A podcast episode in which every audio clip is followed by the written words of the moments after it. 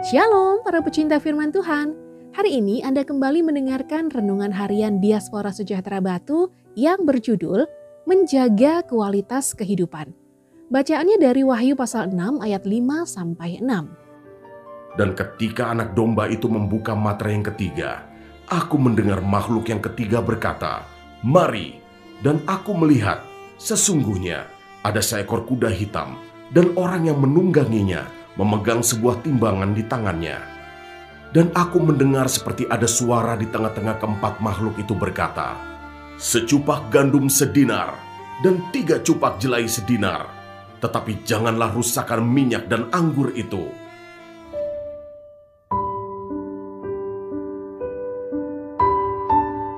Dan aku mendengar seperti ada suara di tengah-tengah keempat makhluk itu berkata, Secupak gandum sedinar dan tiga cupak jelai sedinar. Tetapi janganlah rusakkan minyak dan anggur itu. Wahyu 6 ayat 6. Manusia diciptakan dengan sempurna dan memiliki naluri untuk bekerja. Bekerja menjadi bagian penting dalam diri manusia karena untuk mempertahankan hidupnya. Jadi, semangat dan kreativitas dalam bekerja harus selalu ada dalam diri manusia. Jangan sampai hilang. Perjalanan hidup orang-orang percaya juga tidak selalu berjalan dengan mulus. Ada kesulitan, tantangan, tekanan yang mereka alami yang Tuhan izinkan terjadi dalam hidup mereka.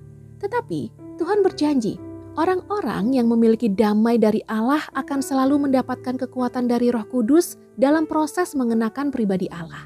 Allah juga mengizinkan umatnya pada zaman gereja mula-mula mengalami kesulitan ekonomi, sehingga mereka pun sulit untuk memenuhi kebutuhan pangannya. Namun dalam masa-masa sulit mendapatkan bahan makanan, mereka harus tetap menjaga hidup supaya Roh Kudus tetap tinggal di dalam hidupnya. Dengan tetap mengizinkan Roh Kudus berperan aktif dalam hidupnya, sesungguhnya mereka sedang mempertahankan kemurnian iman. Akibatnya, kelaparan sehebat apa pun tidak akan bisa memisahkan umat dari kasih Kristus. Setiap manusia pasti punya masalah, tetapi dalam proses menyelesaikan masalah tersebut, hendaklah tidak menggunakan jalan pintas yang bisa mendukakan Roh Kudus, sehingga Dia tidak lagi bersedia menuntun, mengajar kita untuk hidup dalam kebenaran, dan bahkan meninggalkan kita sendirian. Janganlah kita mengikut Tuhan hanya karena masalah perut. Yesus menjawab mereka, "Aku berkata kepadamu, sesungguhnya kamu mencari Aku bukan karena kamu telah melihat tanda-tanda, melainkan karena kamu telah makan roti itu dan kamu kenyang." Yohanes 6 ayat 26. Tuhan Yesus memberkati.